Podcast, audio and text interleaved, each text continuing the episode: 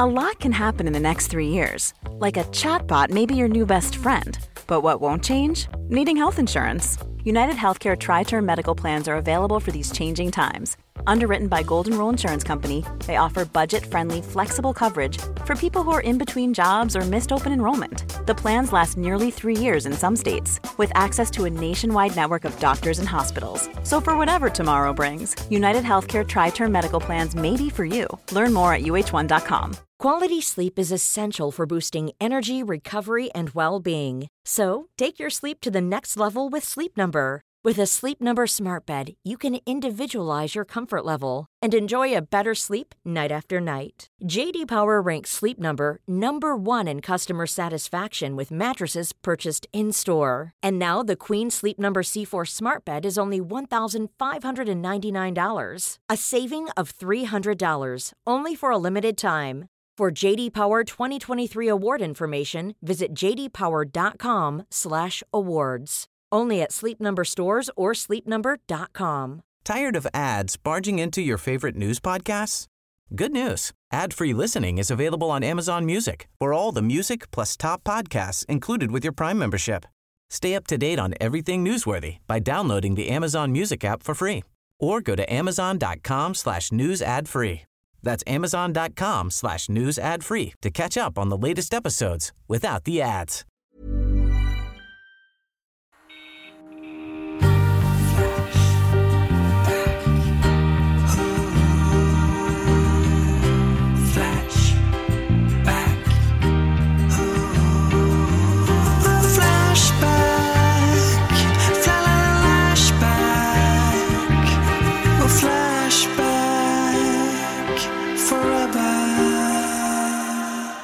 Hej och välkomna till podcasten Flashback Forever. Tack! Tack, Varsågoda. Vilken energi jag utbringade, eller hur? Det gjorde du verkligen. Tack så mycket. Jag har inte så mycket energi för att jag åt nämligen sallad till lunch. Nej, vilken värdelös Det var idé. fruktansvärt. Mm, jättedåligt. Jag vet också var vi bor och poddar och vet därför att salladen inte kan ha varit särskilt god. Du, det var ju på det nya stället, som ändå är gott. Eh, Bar Maria, just det. där vi har ätit. Det var gott ju. Mm. Men det är ändå lite, det är lite, lite mat, tycker jag. Det är på På tal om ställen. John Bull i Lund. Ja, Nej men finns det en bättre pub? Nej, jag var ju inte där så mycket men jag, jag hör ju på, ditt, eh, på dina känslor att det... Det är den, det är den bästa puben som finns. Tror jag. Ja, du hade väldigt alltså, trevligt Red där. Lion, Haket, John Bull. Det är de tre. Det är de tre som är bäst i Sverige. Prove me wrong, säger jag bara om det är någon som tycker att nej, är bättre. Jag vet ingen som är bättre än de tre. Nej, men eh, det som jag tyckte John Bull eh, ändå är bättre på än Haket och Red Lion är ju att deras eh, absolut största stammis, Stefan, som Ja. du nu är god vän, god vän med ju. Ja, Ni ska Stefan. fira 30-årsjubileet ihop. Det ska vi. Han var liksom, hur pruttfull han än var, väldigt trevlig. Ja, det var han. Det möter man inte på så ofta. Nej, Att det är ändå så, trevliga- ha en bra dag, samtidigt en kräks man och ramlar ihop. Nej, men, Var det han som underbar. sa, ska jag flytta på mig? Ja. Eh, ja han verkade underbar. Jättebra. Vi träffar ju han där varje år. Jag kan gå in, kvällen, nej men eh, jag kan gå in. Jag kan gå Tillbringade in. med kvällen med honom och en eh, man från eh, Galway som Ah. heter Dave. Han hade bott i. Sverige ganska länge. De två eh, snicksnackade jag med lite eh, sista kvällen. Det var Ja. otroligt Gud, vad härligt. fint. Ja. Ja, det var mysigt för dig. Vi skulle ju fira att du hade gjort din första s- egna stand-up-timme. Just Men jag firade dig genom att inte vara med på John Bull. Men då gick du och firade själv med Dave och Stefan. Ja, precis. Ja, jag firade ju på det sättet jag helst firar. Bara ställde mig i baren, hängde jackan på kroken som hängde under bardisken, beställde in en Guinness och började prata om eh, musik och livet med Stefan och Dave. Fy fan vad gött. Ja, det var så jävla mysigt verkligen. Sen kom det en trubaduix. Ja, ja, ja. Spelar han Kim Larsen? Jo, han spelar Kim Larsen. Gör han det igen? Jajamensan. Går dit dagen efter igen. Undrar om det kan vara något trevligt nu? Äh, då är det en liten country-trio Mm. som står och spelar ja, lite John Prine-låtar. Alltså det där stället är, det är liksom Narnia, tror Mm. jag. Jag har inte läst den boken, men jag antar att det är det som är Narnia. Fy fan vad nice. Det var faktiskt, ja, det var, det var länge sedan jag hade så roligt som vi hade då. På John Bull. Men du åkte ju hem då Mia, när det var eh, countrykvällen, när de spelade banjo Just och det. den grejen. Och det var tur Saina, för att du hade börjat gråta annars. för Att Ja, det var väl så vackert. Prime-tolkningarna som jag Ja, det inte hade hade klarat. pall för. Det hade du inte klarat av. Nej. Men det var svinroligt på Lund Comedy. Jag var så glad att det, det var Göteborgs vinnare i den här nybörjartävlingen. Det är inte nybörjartävling, men typ så. Rookie-tävlingen för stand-up. Etta och tvåa från Göteborg. Comedy Grand Slam. Sunny VK och Lennart Schuster. Göteborg! Ställde mig och skrek under prisutdelningen. Jag var så glad. Ja, det var Det var väldigt, väldigt bra. Jag såg ju bara hon som vann och det var ju så ohyggligt bra. Ja. Eh, fantastiskt. Se henne om ni har chansen. Ja, och se även Vendela Gold som inte gick vidare till final men var fruktansvärt rolig. Och hemsk. Så Hemsk hemskt. och jättebra. Så hemskt. Kommer du ihåg att vi också någon, blöt, någon av de blöta kvällarna på John Bull Emma kom på det nya, helt nya poddkonceptet? Vi kanske ska berätta för mig om det. Det här har jag glömt. Flashmob forever.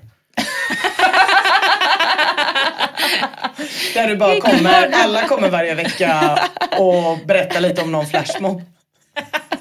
Ja, vi ska inte Nej, göra vet du vad det är? Men det, är bara, det, det, hade varit här är resultatet av ett långt hån mot mig. Nu minns jag. Och jag refererade nyss till, till den här kvällen som en av de trevligaste på länge. Men jag tar tillbaks det. För så här var det att jag föreslog att Ina till sin nästa Bruce-val kanske skulle ha lite poesiläsning. Ja, ja, ja. Att någon kanske kunde komma Olivia Bergendahl kanske, Mm. läsa Bruce-texter. Det är väldigt skört när man är lite bakfull. Ja, nej, men det är Väldigt, att väldigt om att bli bögknackad väl? Ja, och då höll de andra på att skratta ihjäl Ja. sig. Ja men vi sa väl bara att det var så konstigt att du drog din lans för kulturyttringar alla hatar. Ja, Poetry Slam Ja. då. Eh, drog jag. Och sen så fortsatte ju det då, att jag tyckte att, eh, och så sk- skrockade vi om det, att man kunde ha en Pecha Kucha på Bruce Springsteen, att man får presentera. Och sen slutade detta då i Flashmob, att det skulle vara Flashmob. Och Flashmob forever. Mm. I så Quebec igår så var det ett gäng pajsare. Jag skulle berättat om de här emosarna ni vet som dansar så knasigt. Kommer ni ihåg de flashmobsen? När det träffades massa emos och så gick det på en sån... Och så gjorde de... Nej, Nej. helt missat. Ni märker, det funkar inte så bra i ljudformat att berätta om ett visuellt... Verkligen. Men du verkar ha din första prata klar i alla fall. ja, det har jag. Nej, men det var så trevligt på Lund Comedy. Jag eh, satt ju också och skröt om vilken bra bilförare eh, jag är, för vi åkte och badade på lördagen. Eh, och så satt jag skröt om hur få enheter jag hade druckit Mm. på fredagen. Och då gjorde Oskar mig påmind om att jag körde i motsatt eh, färdriktning. Så att, eh, det var väl, jag är glad att alla överlevde. I den sekunden du satt och skröt. Ja, han avbröt ditt Mm. Ja, precis. Ursäkta, ursäkta. Man gjorde ändå det så snyggt att han inte skrek, utan han var så, om du bara kör lite, lite in i rätt. Ja, fan vad säger man va? Ja, vad ska ni prata om idag? Eh, jag ska prata om eh, svett. Kakor. Det ena utesluter inte det andra. Och jag har aktuella och jag ska prata om att dynamiten var Alfred Nobels näst mest kontroversiella uppfinning efter Nobelpriset såklart. I veckan blev det jävligt sura miner när stiftelsen för Nobelpriset då basunerade ut att de eh, bjuder in ambassadörerna från Ryssland, Belarus och Iran till ceremonin i Stockholm. Äntligen! Äntligen att de blir sura eller äntligen att de fick komma. Någonting. Ja. Ska man inte skrika det i samband med Nobelpris? Jo, det ska man. Det ska man. Hurra! Eh, det gjorde de inte. De skrev, skrek inte en- äntligen partiledarna. De blev supersura. Eh, det blev de när inbjudningskorten rasslade ner. Då förflyttade de sig direkt tillbaks till mellanstadiet. Murre, Nooshi och Språklig språkrören sa att de kommer bojkotta eh, Nobel. Vi kommer inte om de dumma kommer, så sa de. Vem är Murre? Det är eh, Muharrem Demirok. Centern. Ah, Mm, okej. Ja, Centerpartiet. Okej, Jag, jag visste inte, jag kände inte till Murre-förkortningen, men jag hänger inte med riktigt. Sorry. Nej, det, han, han, ehm, det är ändå mest vedertaget skulle jag nog säga, Okej. eftersom att han har så himla svårt namn. Mm. Johan P och Uffe K kritiserade stiftelsens beslut som töntigt och lame. Och Ebba Busch har inte sagt någonting vad jag vet, men efter Ellegalan-debaclet så är hon väl fortfarande förvirrad över vilka fester hon är bjuden på och inte. Det kan vara lite rörigt där. Användaren Vems fel skriver på Flashback, vad är det för jävla barn vi har i riksdagen?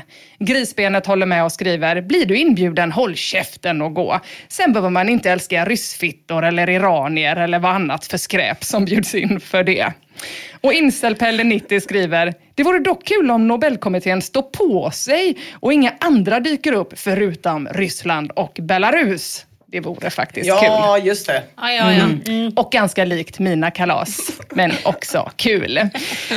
Eh, såna där mellanstadiefjantar har de betett sig då, som hela bunten. Vet ni vad? Partiledarna ska vara glada att de ens har blivit inbjudna. Vet ni, 1998, när Nobelkommittén var liksom it-girlsen number one, då bestämde de, utan att ge någon anledning överhuvudtaget, att inte bjuda in några plugghästar. Alltså inte en enda partiledare Jaha. till sitt party. Smart i Det och bara, för sig. får inte komma. Ja. Mm. Eh, då var De är de... sällan snygga och inte roliga på fest. Verkligen. Nej, ingen så får komma. Ja. Eh, Och bara, Ja, fuck you. Ja, och eh, det var ju rätt coolt ändå. Ja, det var det. Då var ju Nobelstiftelsen lite mer så här.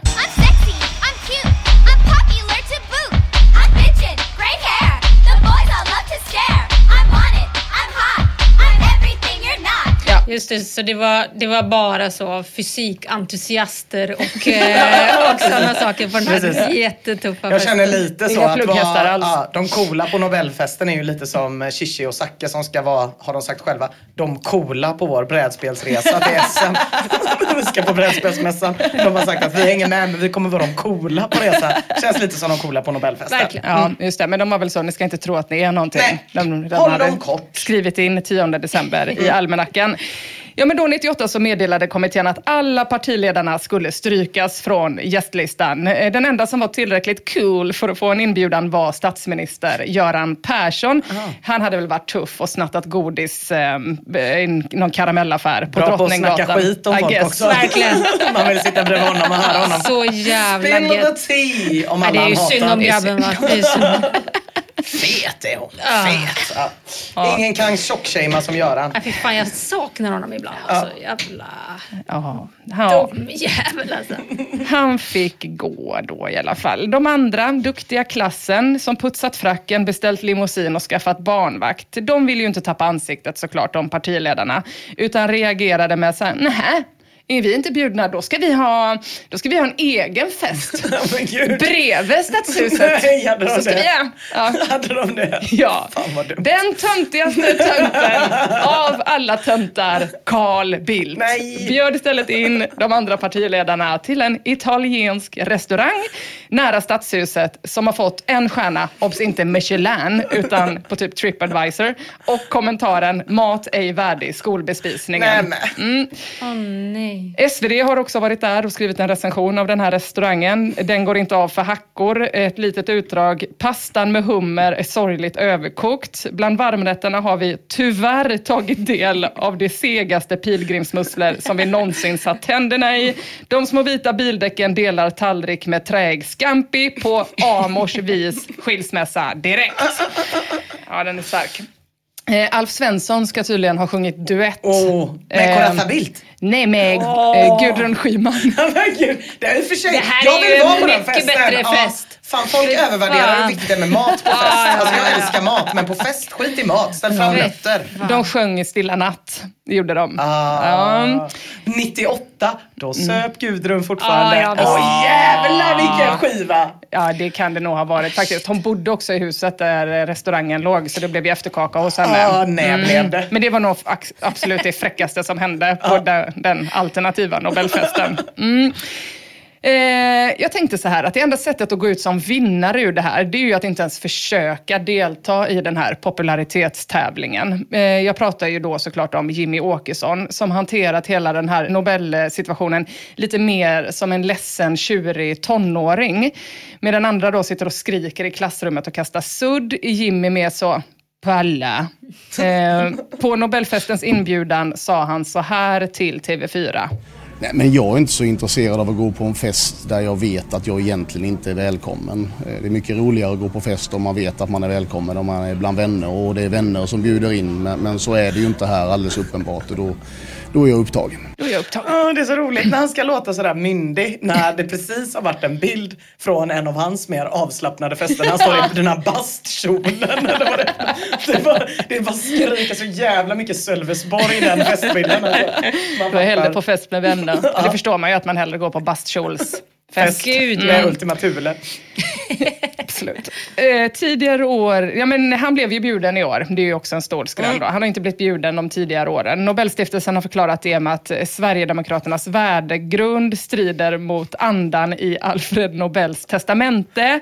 Där det då bland annat står att intet avseende fästes vid någon slags nationalitetstillhörighet i samband med att pristagarna väljs ut. Men det är ändå ännu taskigare. Det hade varit bättre om de fortsatte sluta bjuda in dem än att de bjuder in dem samtidigt som de bjuder in Ryssland. Ryssland, Belarus och Iran. Här, Ni kan få komma i år. De kanske blir glada först, Ja. Sverigedemokraterna. Alltså bara, och sen var det någon som ringde bara, ska bara kolla, är det några fler som får komma för första gången i år? ja, det aktiva nazistpartiet i Belarus fick komma också. Tack. Har vi ett eget bord eller? Liksom. Ja, ju. Ja, ja, ja, precis. Och också lite ändring av sin praxis. Men man undrar, undrar man inte också vad som har hänt mellan förra året och nu? I, i, är det någonting som har hänt i Jimmy Åkesson eller har Nobel, eh, Nobel ändrat sina principer från andra sidan? Ja, just det. Kanske. Ändrat sin Kanske. 130 år långa praxis. Ja, precis. Nej men då var det så, då får du inte gå för att eh, du, du eh, håller på med den här nation, nationalitetsgrejen. Då. Det är lite som när jag inte fick sitta med Sara och Jossan i bussen på klassresan till Branäs för att jag utstrålade för mycket negativ energi. Mm. Innan var det lite mer så här, Jimmy får inte komma eh, och på det sättet så ska han lära sig att alla är lika mycket värda. Nu är det mer så, Jimmy får komma och på det sättet så ska han lära sig att alla är lika mycket värda och att nationalism är fel.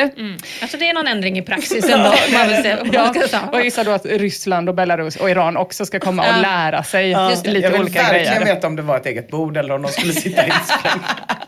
Barnbord. Ja, nu ska ni se när de vuxna pratar. Kanske ni Passa på att lär lära er något under tiden. Ukraina kanske också är inbjudna för att de ska lära sig någonting. Total War skriver på Flashback. Företrädare för Nobel sa ju tydligen häromdagen att de är emot all form av nationalism samtidigt som Ukraina kämpar för sitt liv för att förbli en nation. Mm. Lite samma eh, premisser som eh, ryssen bjuds in på då, för att de via Nobels fredspris ska lära sig att det är taskigt att kriga. Eh, Ukraina kan ju också passa på att lära sig lite av ekonomipriset, tänker jag, nu i veckan efter att Ukrainas försvarsminister tyvärr råkade lägga 210 miljoner kronor på vinterjackor som inte klarade av kyla. Så det är ett väldigt bra tillfälle att få i- ta mycket, in mycket kunskap. Eh, och jag känner också så här, där föll Nobelstiftelsen lite i mina ögon. Att de liksom går från att ha varit såna poppis-tjejer eh, till att bli så, ja men lite självutnämnda små magistrar. Ja. Det är ju ändå de som är bjudna som ska vara det, inte de själva. Men turligt nog då så är ju representanter från Qatar, Saudiarabien, Israel och Etiopien absolut också bjudna. För första gången i år eller sen alltid? Sen alltid. De har alltid fått komma. De är okej.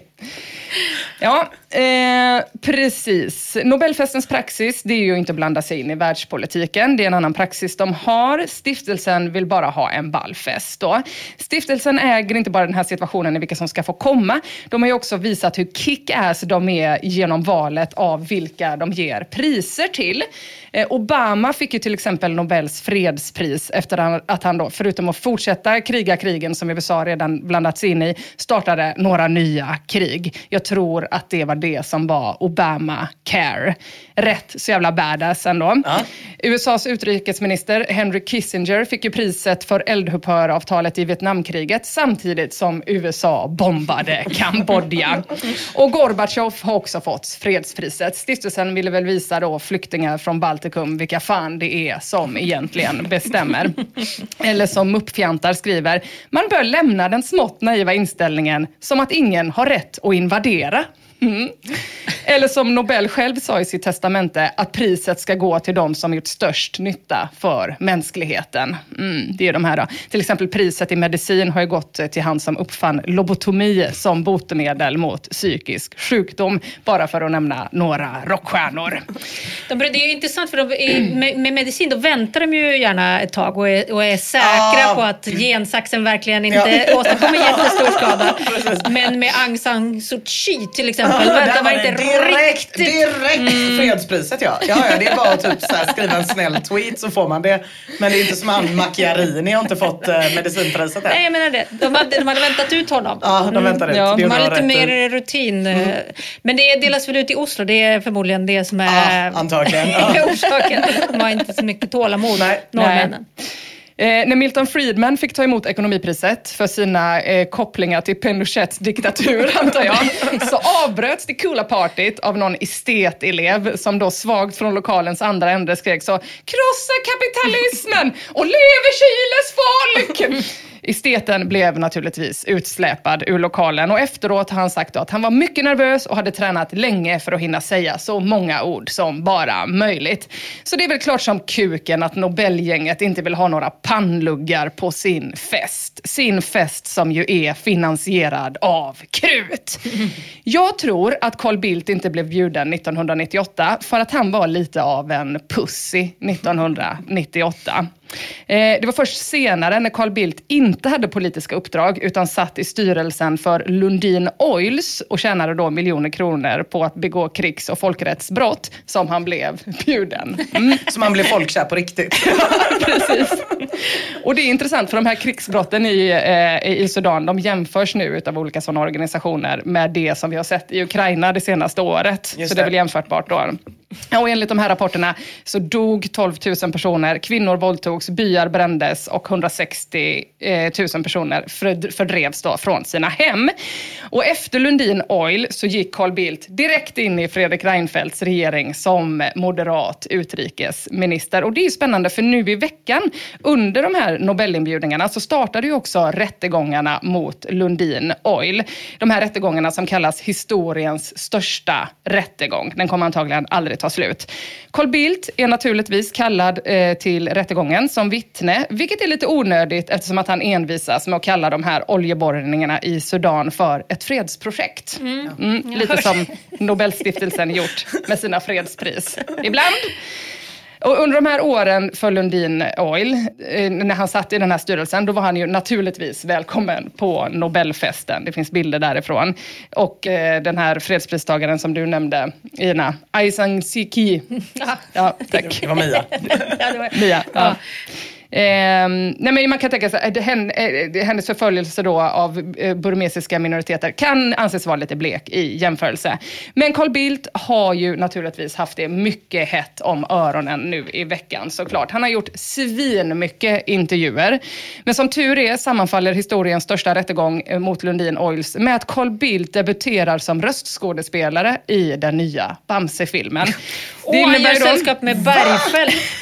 Skojar! Är det sant? Det är sant ja. Ja, men- mm. Det innebär... Har de inte läst Bamses testament? Alltså varför läser de bara Nobels testament? Stackars Det är, jätte... Ruben. ja, det är tråkigt för honom. Det här såg han inte framför sig faktiskt. Det är det många andra som gör. Ja, fast ändå roligt. Jag hade också gjort det. Fy fan vad kul! Jävlar vad kul. Carl Bildt har den senaste veckan, han har gjort väldigt mycket intervjuer. Han har fått noll frågor om folkmord. Jag lyssnade på hela Morgonpasset-intervjun till exempel. Men han har fått väldigt många frågor om rollen som generalsekreterare för Förenade Småkryp, som han då spelar i Bamse-filmen. Jag gissar att Carl Bildt är bjuden på Nobelfesten i år. Vi får På se. grund av detta. Ja, på, grund av rättegången Du kanske. behöver några coola röstskådisar också. Nej, men vet ni, det är jättesvårt att veta vem som har blivit inbjuden till vad. Och det är inte bara Ebba Busch som tycker det. Stiftelsen verkar göra skillnad på ceremonin och festen. De verkar göra skillnad på Oslo och på Stockholm och vilka priser som delas ut vart vart och när och så. Så det är ganska svårt att förstå varför folk och partiledare blir så upprörda över att Ryssland och Irans eh, eh, ambassadörer är inbjudna i år och att man inte var så eh, upprörd förra året. För förra året var Ryssland och Belarus ambassadörer också inbjudna Ah, okej. till fredsprisceremonin i Oslo. Mhm. eh, då då. Och det, de är inbjudna nu igen, inte till festen om jag har fattat det rätt. Och det var inte så konstigt att de var inbjudna förra året eftersom att Ryssland och Belarus förra året fick Nobels fredspris. Mm. Det var en rysk människorättskämpe ihop med en ukrainsk människorättsorganisation. Kan vara bra att säga. Kan vara bra att säga. Så även då följde väl Nobelstiftelsen sin eh, eh, rätt mäktiga praxis om att inte kommentera världsläget. I guess. Det var väl bara det de gjorde. Mm. Nordsjö skriver man måste alltid skilja på politik och krig och vetenskap. Jag skiter i ryska ambassadören. Men om en ryss kommit på något, då ska hen ha pris för det som andra människor. För tro mig, ryssar är faktiskt människor. Lite halvmongoler och opolitliga ibland. Men individen ska få ha pris för det hen gjort. Och vet ni, jag skiter inte i den ryska ambassadören. Han måste fan undra varför han fick komma förra året, men inte det här året. Eh, Libertarismus skriver, Sverige förstår inte värdet av diplomati och samlas kring någonting större än dessa konflikter, nämligen att hylla våra vetenskapsmän. Ingen påstår ju att vi ska bjuda in självaste Putin, men den ryska ambassadören finns ju redan i Sverige. Då finns det väl ingen anledning att porta denna från Nobel. Och han har ju en poäng i det, för den ryska ambassadören, han finns ju faktiskt redan här. Han bor väl i någon slags statligt sanktionerad våning någonstans. Så om partiledarna vill göra ett statement mot den ryska ambassadören, eh, och då att han inte ska vara välkommen på festen, som inte är deras fest, då borde de ju börja med att inte välkomna honom i landet, som ju de Ja. faktiskt bestämmer över. Hade jag varit den ryska ambassadören så hade jag sagt så här. Nej, men jag är inte så intresserad av att gå på en fest där jag vet att jag egentligen inte är välkommen. Nej, och knapa salta pinnar med Silvia. Nej, tack.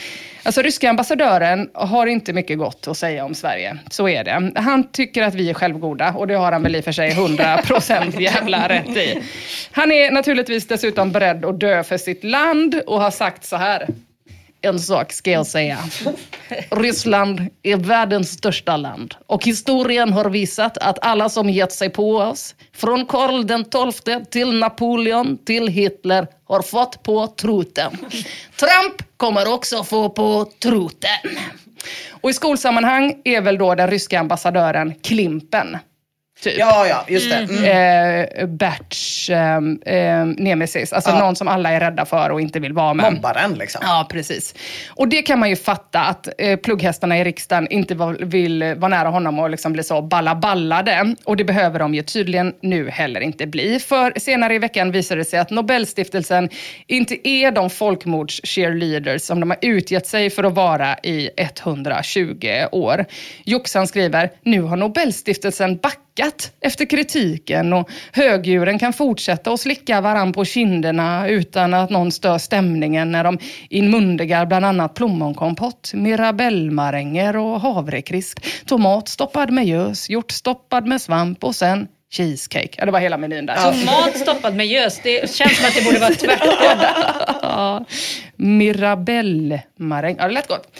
Ja, väldigt trist ju att Nobelstiftelsen drar eh, tillbaks inbjudan till ryssen. Ehm, för då gör de ju nämligen ytterligare ett undantag från decennier av sin praxis att inte ett avseende fästas vid någon slags nationalitetstillhörighet i samband med att pristagarna då väljs ut. Efter påtryckningar bryter de ju då sin egen och Alfred Nobels värdegrund. Värdegrunden som tidigare inte, de inte har velat bjuda in Jimmy Åkesson på. Så det blir lite rörigt. Och allt detta leder ju naturligtvis till att man känner att Nobelfesten inte behövs längre. Leprasjukling skriver, åh det vore bättre att lägga ner banketten. Det ovärdiga royalistiska tingletanglet har ju helt överskuggat vetenskapen som är den som borde främjas. Och dessutom verkar det ju som nu att utan Ryssland, när de inte får komma längre, som att det blir, ja, men det blir en lite mer tillrättalagd fest. Lite mer av ett mellanstadiedisco. Banana Kids, föräldrar på stan, om någon ens kommer. Vdn för stiftelsen kanske kommer sitta där helt ensam ändå med sin rostbiff 10 december och inse att hans fest inte är cool längre. Han kanske kommer ångra sig då och omvärderar sin praxis ännu en gång. Han kanske ringer upp den ryska ambassadören och säger Jag vet att du inte är CP-skadad. Jag vet inte varför jag sa så. Jag var bara så ledsen. Och det där kriget. Det är inte alls det tråkigaste som jag har varit med om. Och ambassadören eh, svarar så. Varför sa du det då? Jag vet inte. Du vet inte. Nej. Men du, det spelar ingen roll längre. För jag har aldrig tyckt om dig. Jag kommer aldrig göra det heller. Tycker bara det ska bli så himla skönt att få slippa dig. Att man alltid ska vara så himla rädd att du ska börja tafsa och äckla dig. Ja, som Klimpen. Hela skolan kommer på vad du är för någonting. Och du? Lycka till med Elin. Ja, elen är det väl han säger där på slutet. Är det här en inspelning från Mias flickrum? Ja, det är det. Förutom att jag inte hade några kompisar. Inte ens. Inte ens. någon- Inte ens en någon som sa att du var rullstolsbasket. äcklig. Lycka till med Elin. Jag tror han sa Elen där på slutet. Den Ja. ryska ambassadören då, så, de fick gestaltas via rull, rullstolsbaskettjejen. Lycka till med elen, kommer ryska ambassadören säga innan han lägger på luren, tar på sig solglasögonen och svetsar av rören till våran fossilgas som vi är så glada för. Åh, typiskt tråkigt Ja. slut på festen. tråkigt. Väldigt, väldigt tråkigt. Nu tjejer, nu blir det Swedish fika. Åh, Swedish fika, det svenskaste vi har. Och då pratar jag alltså om riktig Swedish fika. Inte det här eh, begreppet Swedish fika som man stöter på på hemsidor ibland. Har ni gjort det eller? Vad är det för något då? De skriver om det. eh, Amerikaner är väldigt besatta av fenomenet Swedish fika. Mhm. Så det dyker ofta upp typ artiklar om hur Scandis sitter i sina mysiga sweaters och äter strawberry cake for hours och att det är därför Mhm. skandinaver mår så himla bra jämfört med amerikaner. Inte för att de typ har så sjukvård. Nej, just Eh, så att det har blivit en jättegrej och det finns massa, massa, massa ställen runt om i världen som heter Swedish fika. Ja, det är inte så sju sorters kakor, eh, Jo, det är det, det är det. Men det är ju liksom inte, det är en väldigt verklighetsfrånvänd fika. Det påstås bland annat på en blogg jag läste att det här gör svenskar varje dag i typ två timmar. Som om det skulle vara våran siesta. Det är inte sån också, fika vi ska prata som, om nu. Så tänker man att engelsmän gör med te, men de gör ju också så. Men te, de dricker ju bara. De, de, de slep, slevar ju i sig koppen som alla andra typ. Det är väl kanske folk som har jättemycket pengar som kan Ja. sitta och slaska iväg en afternoon på te. Fan vad man hade Jag tänkte velat få en gå på en rik sån britt. afternoon tea Ja. i, i, i heter Annedal. Hade Ja. de någon sån. Det kostade fan 900 spänn. Det är så himla konstigt. För den enda mackan man får är med gurka på. Jag vet. Och sen är det bara olika muffins och scones. Det är bara tört, tört, tört. Det är fan asmysigt i och för sig. Ja, jag Ja, mig. så jävla gott. jag hade inte råd. Jag kommer betala en tredjedel om du går. Jag med. Gå in och stötta oss på Det här Patreon. var många år sedan. 900 var nog att ta i. Men det kändes som Ja, nej, men 900 det är fitt eftersom att jag inte hade dyrt. några pengar. Mm. Det är fittdyrt på afternoon tea. Jag har varit sugen några gånger också. Det är så jävla dyrt. Men det blir inget afternoon tea, det blir ingen tillrättalagd Swedish drömfika. Utan det blir äkta svensk fika. Ni vet sån som man köper på Hornbach i stora kartonger precis vid kassan. Det svenskaste vi har. Förutom Flashback då. Och mellan Flashback och småkakan så finns det många kopplingar. Såklart. Till exempel, som av ödets ironi, på tisdag när det här avsnittet sänds, eh, då är det exakt 12 år sedan Jonathan Unge var med i Tankesmedjan och gjorde sig rolig över vad då som då var liksom det svenska etablissemangets rädsla för Flashback. För alla var bara så, Flashback det är världens hemskaste. Var du med i det avsnittet Emma? Det vet jag inte om jag var, men jag började ju jobba på Tankesmedjan då 12 år sedan 2011, va? Ja, precis. jag borde jobbat då i alla fall. Precis börjat, om jag inte minns fel. Ja, då, men du minns inte rätt i alla fall Mm. Nej, jag minns då? inte det här avsnittet så för 12 år sedan, tyvärr. Okej. Ja, men då, då ska jag fräscha upp ditt minne.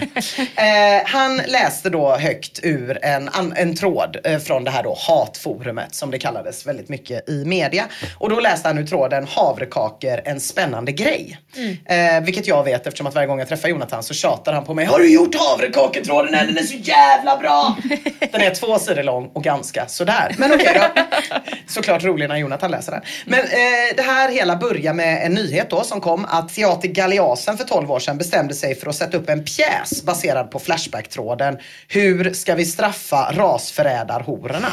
För att visa liksom vilken hemsk plats Flashback är och vilken tarvlig ton folk har på forumet. Tarvlig är fan ordet. Tarvlig, så tarvlig ton. Men räcker det inte bara ha att säga den trådstarten då? Jo, Point så maker. kan man gå hem sen. Eller? Ja. Eh, ja, men Så skriver de också så här faktiskt. Och sen skrev de faktiskt, gud vilket annorlunda klimat då. Alltså jag satt ju Ja. definitivt, om jag var med i det här avsnittet och sa så. "Ja, hur kan de skriva så här om havrekakor? Det visar absolut på den utbredda rasismen. De eh, ska promota havre här. Varför inte baba ganoush? Alltså så var säkert jag. Så var det ju 2011. Ah, Om du kan hitta det klippet när Emma säger nej till havre och ja till baba ganoush för att inte gå rasismens ärenden. Maila mig på inatflashbackforever.se.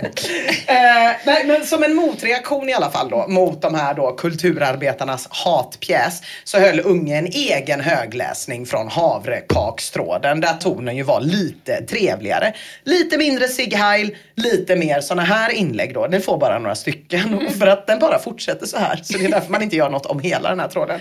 Det här är typiska inlägg.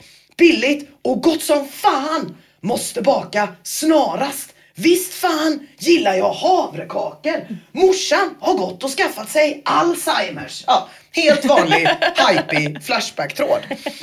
Så fort det här programmet har sänds då startar djur mot tråden Flashback i tankesmedjan i P3 som startar så här mycket roligt inslag om Flashback och näthatet. Kan rekommenderas skarpt om man tål lite raljerande även om oss eh, Flashbackare. Vad tror ni? Tror, tror ni att alla Flashbackarna tålde lite raljerande? Nej, kanske inte. Kombot skriver Men de är nog "Haha, samma som- Skitroligt. Nöt. Det är också en jävligt ålderdomlig diss. Nöt. Och jag blev glad! Och nöt. Konstigt. Jävla dåligt. Uh, kombot fortsätter. Unge tar upp en tråd som behandlar att man tycker det är gott med havrekex. Och alla skriver vilken dryck de gillar med havrekex. Bla bla bla bla. Ah, en jävla skittråd med andra ord. Alltså jag tycker inte det är en skittråd. Den är liksom kort och det är mest folk som gillar havrekex. Men man blir ändå glad av att läsa den. tycker jag. Ursäkta, havrekex? Ja men det används som synonym. Är det en annan sak? Havrekaka, havrekex? har aldrig hört Ja, det. jag skulle väl, det skulle man väl... Ja, flarn trodde jag det hette. Havreflarn. Havreflarn. Det där har jag också en fråga om. Det, jag tror det är samma sak också. Men havrekex heter det då alltså inte? Kex, eh, nej, kex är väl mer sprött än en kaka va? Ja, det, Nu kommer jag ut som kex och kakkonnässör. Ja, verkligen. Mm. Ja, för fan vad gött. Vi behöver ju en ny Magdalena Ribbing. Det behöver det vi verkligen, perfekt. just när det gäller småkakor. eh, sen så vill jag också säga till Kombot här då, som tycker att det var så tråkigt gjort av Jonathan att prata om den här tråden, att han själv har skrivit i sin egen tråd, som heter Vilken typ av humor gillar vänsterfolk? Att humor är som roligast när man förlöjligar andra. Och jag tycker ändå Jonathan lyckas förlöjliga både kulturvänster PK-eliten och Flashback. Så det borde vara dubbelt så roligt och det är det också.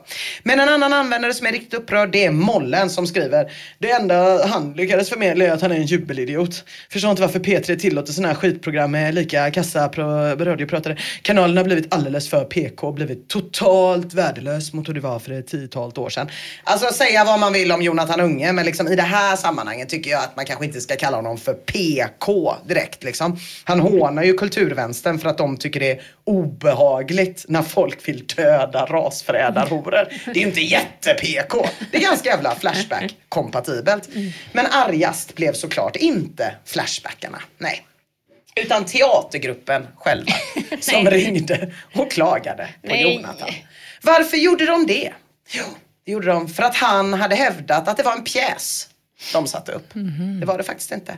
Det var ingen dramatisering alls. Utan det var helt enkelt en fem timmar lång oediterad högläsning av Flashback-tråden Hur ska vi straffa rasförrädarhororna?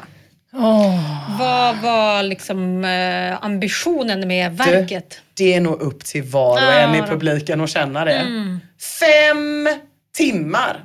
Alltså vi får ju lägga mindre tid långt. på den här podden om det där ska räcka. Om man kan få kulturstöd för att bara läsa en tråd från början till slut. Då är jag fan med. Men det är så jävla 2011 den här då pjä eller pjäsen eller någonting. Men, Men då en, var det då en läsning. en läsning. Ja, det är ju svårt att veta om det är på en teater och har en affisch. Jättesvårt att veta. Ja. Det är väl någon slags evighetsgrej, den bara pågår. Fem timmar. Ja, Fem sånt timmar. där var också populärt runt Ja. 2011. Alltså verkligen, framförallt i Malmö. Det var fruktansvärt att man skulle sitta och kolla i två dygn när någon körde runt med en traktor inomhus och sånt. Och så var det konst och man gjorde ju det för att man ville ligga. till- Men det var ju helt sinnessjukt. Det låter inte alls Nej. roligt. Nej, det låter okej. jättehemskt. Det där har ändå någon sagt satt stopp för. Någon har faktiskt satt stopp. De Var där det- fem timmars läsningarna. Var det samtidigt som uh, konstnärer pissade på och sket på olika... Ja, det var mycket kiss och bajs. Men Det det, har vi ju jag nu med, det nu med Ja, på men- Drömmarnas monument. Jättebra Ja, att det lever fekalier. vidare. Ja. Men under kort tid. Retro. Inte så, jag ska kissa i 20 timmar. Kissa i 20 minuter, då kommer jag. Ja, mm. Havrekakan då, den kom ju lite i skymundan för det här då kulturbråket. Havrekakan har dessutom, tro det eller ej, ingen egen dag. Och vet ni vad?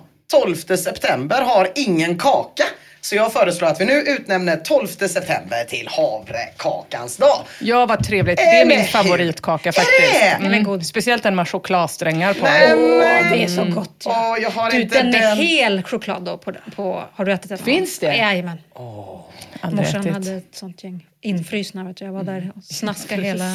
Fan vad, alltså jag, har, jag har inga sådana med choklad, men jag har andra kakor med Ja! mig. Det har jag. Nu blir det en digital kakfrossa där vi ska gå igenom vad Flashback har skrivit om Sveriges favoritsysselsättning nummer två. Det är nämligen bara Bibeln som säljer mer än sju sorters kakor i bokhandeln. När svensken fikar, då fikar den och den fikar rejält. Om man med rejält menar att fika ofta, snabbt och torrt. Det är väldigt få kulturer, ska jag som är lite mer berest säga er två, där man kan bjuda gäster på en bal med torftiga kakor av en sort och oskalad frukt. Ja, Vi börjar med att ta en havrekaka tycker jag. Tyvärr hittade jag bara sockerfria. Nej. Torftig, torftig, Det blir inte torftig. rättvist. Nej, kolla här, kolla här. Men det här är också Ja, det är för att du har köpt det på, på Mariaplan. Nej, men nu, nu, får ni, nu, får ni, nu får ni hjälpa mig här för jag är inte så bevandrad i kaksvängen. På den här, det här var de enda havrekakorna jag hittade. De heter havrekakor sockerfria. Men här är havreflan. Ja, kolla. Ah, Där snackar vi. Då, havreflan är lite tunnare. Okej, ja, jag vill ändå att Men de vi... här är jag De här, havreflan brukar vara gratis på thaibufféer. Ja, exakt. När man får kaffe efteråt. Just det, jag vill gärna att vi, vi provar båda här för att Ja. se om liksom Men du, du, du hatar ju torrt och du hatar ju sött. Ja, det här är inte min starka sida men jag Nej. försöker väl bli en del av den svenska kulturen Men innan... hur, hur menar du att, att ah, resten av världen skulle göra? Skulle de servera grädde till det här för att göra det mindre torrt? Eller Nej. är det bara ett, ett det Nej, är någonting att- som aldrig kan överleva någon annanstans? Nej men jag- jag menar mer eh, liksom den här gilleslådan. Den här att man liksom har 600 av en sorts kaka. Mm. Det är liksom inte, det kanske, det, det är ingenting man liksom ens ställer fram. Nej. det är för pinsamt. Och med frukt är det ju lite samma sak. Att typ så här, man visar ju lite sin omsorg och sin kärlek gentemot den man bjuder frukt på. Genom att, båda tog, var det någon som tog sockerfri? Nej. Jag tog sockerfri. Hur var det? Mm, det märktes att den var sockerfri. Ja, du ser helt förstörd ut. Ja. Den är Men stenhård. okej. Du ska Men nog ta jag- flanet istället. Jag undrar, jag tror inte heller att det riktigt är... ehm, Jag tänk, de som jag känner som köper sånt här, de lägger upp det någonstans eh, för att det skulle kunna misstas för hembakt. Jag tror det är få som tänker att det är en eh, okej grej att ställa fram en hel gilleslåda. Jaha. Det är typ på konferens eller på thaibufféer eller... just Min mamma skulle aldrig ställa Nej. fram något liknande. Jag ska säga att de här sockerfria var goda för de innehöll inte aspartam. De var bara inte söta. Vad är det i dem? Det är ingenting. Havre bara och smör. Det var bara den gyllene smaken av havre. Men du, har- varför hatar du allting som är svenskt? Du hatar ju också potatis. Potatis skulle jag ändå säga att man måste vara uppvuxen med. För att tycka om. Det är inte mitt fel. Det här är aspartam i. Vad sa du? Det måste vara aspartam i det här. Är det? Tror du? Jag tycker Det de var jättegoda. Nåja, Jag ska inte äta det. glad havrekakans dag på er i alla fall tjejer. Tack så mycket. Ja. Det kanske verkar lite förmätet att bara utropa en dag så här. Liksom. Men det är ju så folk gör. Jag tror att alla vi tre, men kanske inte alla våra lyssnare, känner till bakgrunden till chokladbollens dag. Det eh, kanske vi kan försöka berätta utan att... Eh, Hur ska man kunna göra det? Jo, men det kan man ju göra så här. Vi är på Flashback. Året är 2009. Det är maj. Någon skriver en tråd där de skriver, borde inte det här bakverket ha en dag, till exempel den 11 maj som råkar vara min, Inas födelsedag. Trevligt. Eh, borde inte den, men de kallar det ju inte för chokladbollen. De kallar det ju för det lite mer problematiska namnet för chokladboll. Wienerbröd. Exakt. eh, och då... Eh, Bra Mia! Det var jävligt bra, nu har hon fått socker i sig, nu är hon igång. On fire sitter hon där och knaprar. Eh, och då så skojas det om det här i tråden i några år. Tills plötsligt 2014 man kan läsa i alla Sveriges tidningar att den 11 maj det är chokladbollens dag. Man bara, men det här kommer ju från ett rasistiskt skämt på Flashback. Men det är ju ingen som tänker på när man nu den 11 maj på min födelsedag firar det. Nej, det är ju gott med kaka. Jag var lite osäker på liksom lite hur jag skulle presentera det här och, hur, och om, om, om ni skulle bli glada för det här. Så jag kollade lite på Flashback och hittade tråden världens bästa respektive sämsta fika att bli bjuden på. I min assimilering till det svenska samhället. Som är startad av Ono. Den börjar så här. Ponera att, okej där slutar jag läsa. Ponera att ni ska bli bjudna på fika av någon. Ni kommer hem till personen, blir ledda ut till balkongen och det strålande vädret. Personen går in och hämtar fika och ställer det på bordet bredvid er och det består av, ja, vad? Vad skulle få er att känna, det här måste vara den bästa fika någonsin. Vad skulle få er att känna, vilken fattig fika, det här är ju vansinne. Va, va, har ni några sådana? Eh, ja, semla och eh, svart svalltårta tycker jag är det absolut godaste. Okej, Mm, eh, fattigt är väl att det inte är något fika. alls. Att det är en slätkopp. sockerfritt. Ja. Ja, just det, det var de här då, det. kakorna. Men gud vad länge, man blir ju inte bjuden på fika. Alltså man går ju heller inte ut och fikar Nej. längre. Det har vi pratat om. Man blir, jag, blir, jag tycker man blir väldigt glad när man får en, någon slags blöt kaka med grädde till. Då känns det som att den, då har personen gjort två saker för en. Vispat grädde. Vispat grädde, bakat kaka. Ja, det är Hot sant. Det är shots, sant. hot shots, hot Hot shots. shots, hot shots. Vad blir du ledsnast av för fika då Mia? Ja, men det är en jättebra fråga. Jag tänkte först punschrulle, men jag blir rätt jävla glad av det faktiskt, ska jag vara helt ärlig och säga. Eh, jag blir nog fan inte ledsen alltså, av något. Nej. Inte ens av en slätkopp. Om jag får det är jag jätteglad. Men en sån, en sån bulle som bara är en bulle. Ja, inte ens ett, sol, ett solöga utan solöga. Ja, en sån som bara är liksom som en fralla fast gjord av vetebrödsdeg. Ja, en sån norsk bulle. Ja. Ja. Ja, det, ja, det skulle jag nog bli lite småsur Ja, det är av. lite tråkigt Semla utan semla. Också kubbar har jag Ja, väldigt den svårt är för. fruktansvärd. Bra Mia! Torr och med bittermandel i. Kubb, det är som finsk pinne fast Kubb, mjuk. det är den godaste. Ja, nej, den är fruktansvärd. Ja, ja, det är den, ja, det är den som är liksom som potatismjöl med Ja, man, jättemycket man, får bittermandel inte, på. precis, man får inte andas eh, för häftigt när man äter den. Då. Nej, vet du vad man det är? Det är fikat salta pinnar. Ja, Ja, jag åh, kaxar nej. upp mig. Ja, det gjorde du verkligen. Och jag kände mig direkt tillintetgjord. Ja. Huh. Användaren observerad tycker att det bästa fikat är ljummen pilsner, finska pinnar och en rejäl dos vemod. Eller så menar han att det är bästa fikat. Jag vet inte. Det kanske är båda. Det kanske är som när man är på arbetsintervju. Min bästa och min sämsta egenskap är att jag är så himla driftig. Hur som helst så låter ljummen pilsner, finska pinnar och en rejäl dos vemod som en Alf Robertsson-låt. Så jag är nöjd ändå.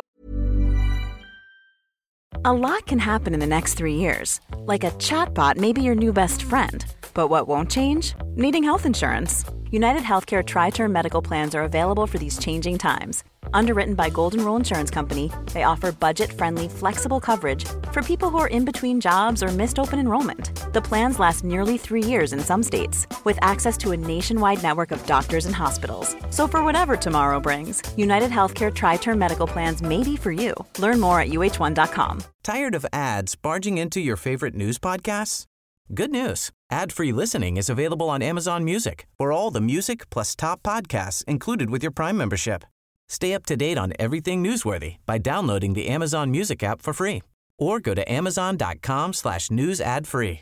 That's amazon.com slash news ad free to catch up on the latest episodes without the ads. Quality sleep is essential for boosting energy, recovery, and well being. So, take your sleep to the next level with Sleep Number. With a Sleep Number smart bed, you can individualize your comfort level and enjoy a better sleep night after night. JD Power ranks Sleep Number number 1 in customer satisfaction with mattresses purchased in-store. And now the Queen Sleep Number C4 smart bed is only $1,599, a saving of $300, only for a limited time.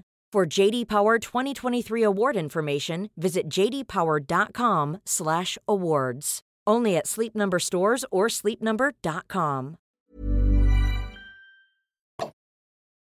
Suggmaskin lämnar också ett tvetydigt svar, men lite väl diskbänksrealistiskt för min smak. Eller är du med på den här Mia? Dammsugare och pulverkaffe.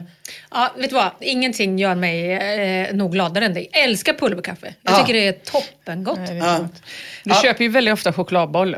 Ja, det Ja, älskar det är faktiskt ofta. helt sjukt. Det tycker du mycket om. chokladboll. Det, är, ja, men det är nog fan, ja, det, det är nog det som gör mig lyckligast ändå. Ibland köper du det i förebyggande syfte, alltså Mm. ihop med lunchen för att du liksom är rädd att den inte ska finnas kvar Ja. efter. Det var jävligt konstigt att du ändå skrev in i vår show att du skulle äta, att du skulle få fika under showen genom att trycka en mums-mums. Jag skrev ju inte ens in det, jag bara gjorde det. Ja, Eh, bara gjorde så det att ni inte skulle kunna säga stopp. Här måste jag ha kakpaus. Mm. Eh, ba- eh, Bismarck i alla fall, han tar tillfället i akt för att förklara för alla på denna planet att han minsann inte är bög. Fika det är till för pensionärer. Jag hade skickat tillbaka alla former av kakor och kaffebröd. Svept mitt kaffe på stående fot och därefter lämnat fastigheten illa kvickt med två, tre cigarr. Det sista lade jag till. Det skrev han inte, men fram till det var det han. Eh, frågan om vad som ska finnas med på fikabordet väck, eh, väcker väldigt starka känslor. Användaren Paggan till exempel skriver det här. Det äckligaste jag skulle kunna tänka mig det är att bli serverad det är torra mariekex samt morotskaka eller cheesecake. Morötter har man i salladen och färskost på smörgåsen. Ni kan trycka upp er cheesecake i arslet. Jättestarka känslor. Verkligen. Många utropstecken. Som tur är, är inte alla upprörda. Bankdosa bjudet på ett så himla fint barndomsminne att jag själv kan tänka mig att bli en pursvensk som Sig Heilar dagligen. Han skriver så här. Detta får mig att tänka på en gammal tant som jag klippte gräset åt som tonåring. När jag var färdig fick jag alltid fika på hennes inglasade altan med utsikt över den lilla ån som rinner genom samhället. Jag kommer ihåg att hon bjöd på hembakt och jag kommer speciellt ihåg en kaka som var så gudomligt god. Det var som ett wienerbröd bakat i långpanna. Till det fick jag cider att dricka. Kall så glaset fick kondens på utsidan. Har testat många olika sorters cider för att komma fram till vilken det var men har inte hittat den. För mig var det den absolut bästa fikan jag någonsin upplevt. Och sen knullade jag kärringen. Det lade jag också till! Det lade jag också vill jag bara säga. Det vill jag bara säga. jag Har du varit i Lund, av sådana här trevliga... jag blev, Trevliga. jag blev glad när jag läste det, det ska jag säga. Men jag har riktiga känslor. Tack bankdosa, lite tårögd. Men det är ändå många i tråden som tycker att det är den klassiska rulltårtan som smäller allra högst på den är den det? Ja, ju... Hästballa kallar vi den. Ja, Med, den, med, eh, med, den med choklad. ja, Mm, precis. Just det. Men den med hallon den är lite...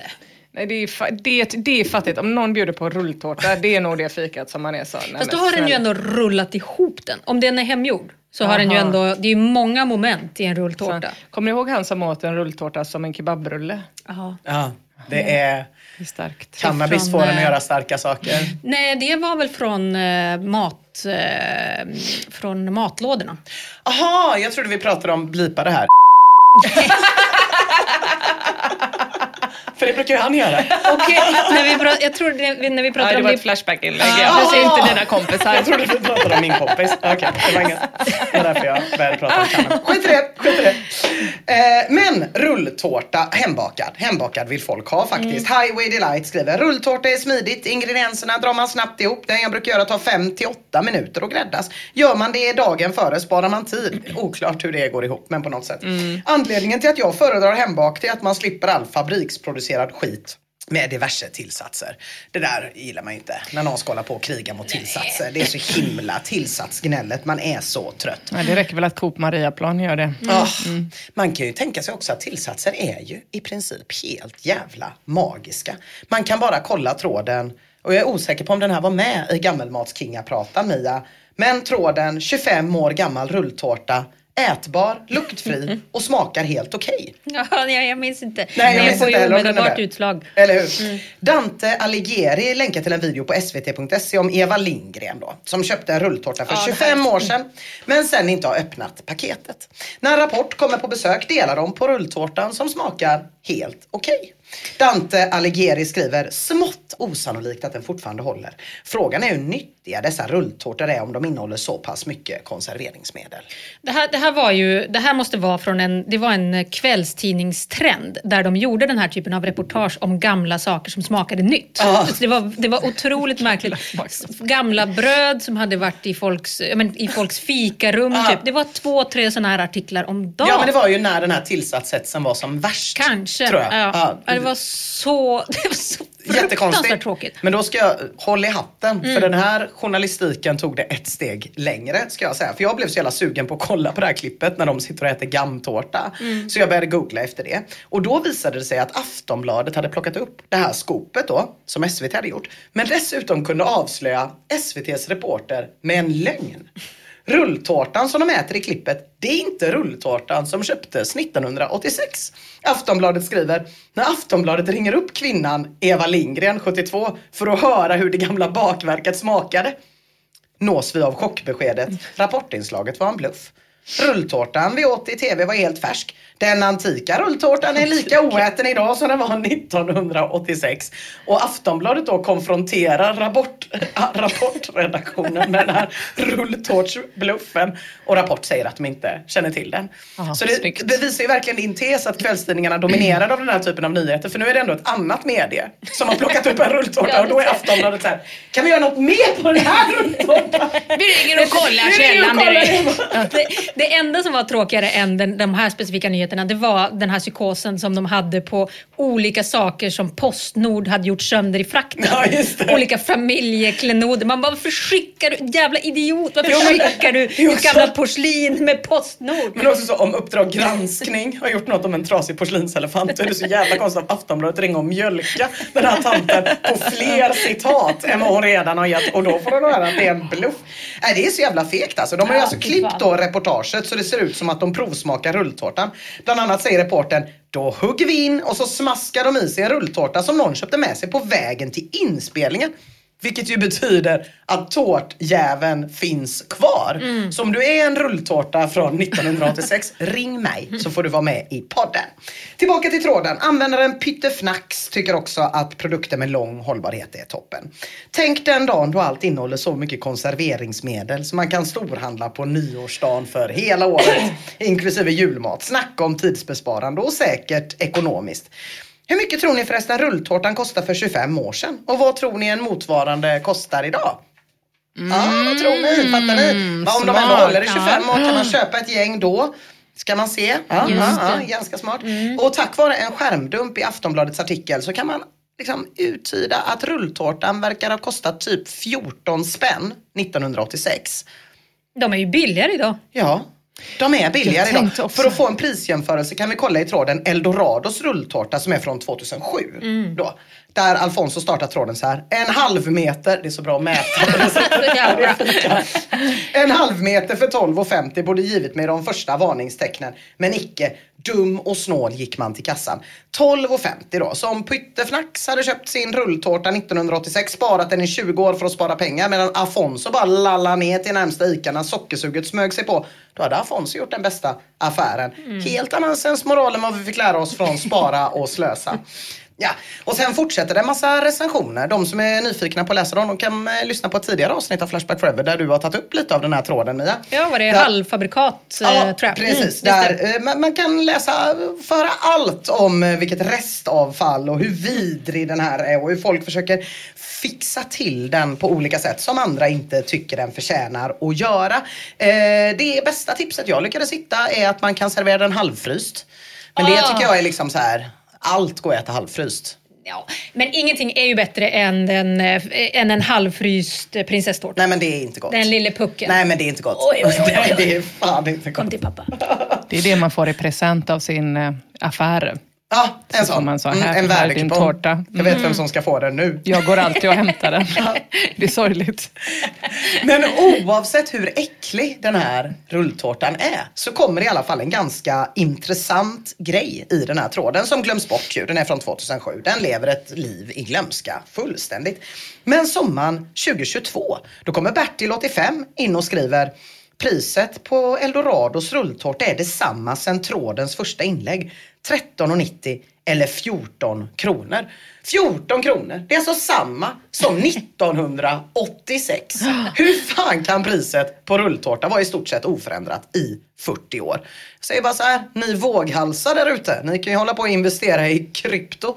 Men för småspararen som jag, som mest bara inte vill att pengarna ska gå upp i rök och tappa allt sitt värde, så kan jag rekommendera att låsa in slantarna i en jävla massa rulltårta. Nej, Synd att den smakar skit bara då. Ja, jag har faktiskt ingen rulltårta för jag tycker att det är för äckligt. Men eh, cookies har jag här också.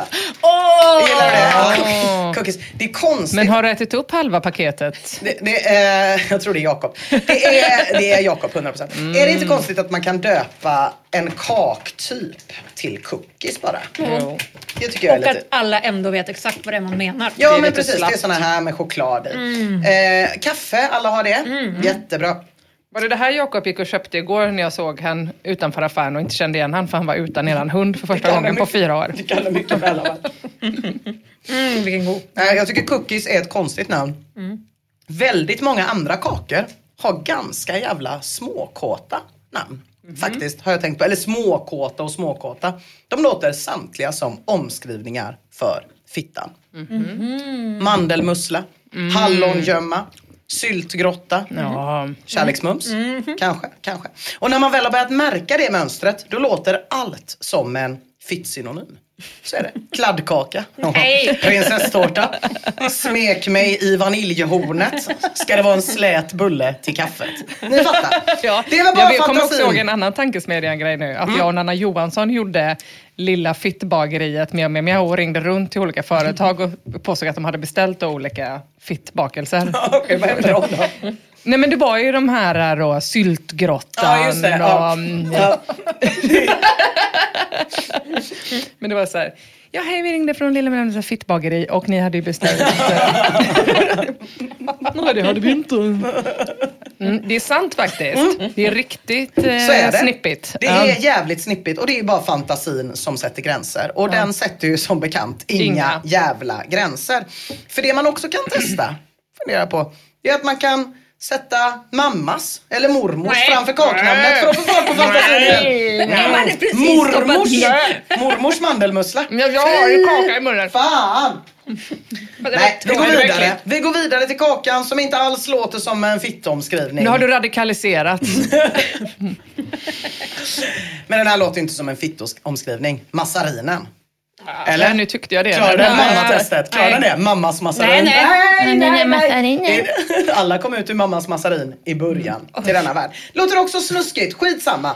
Massariner kan man i alla fall läsa om i tråden.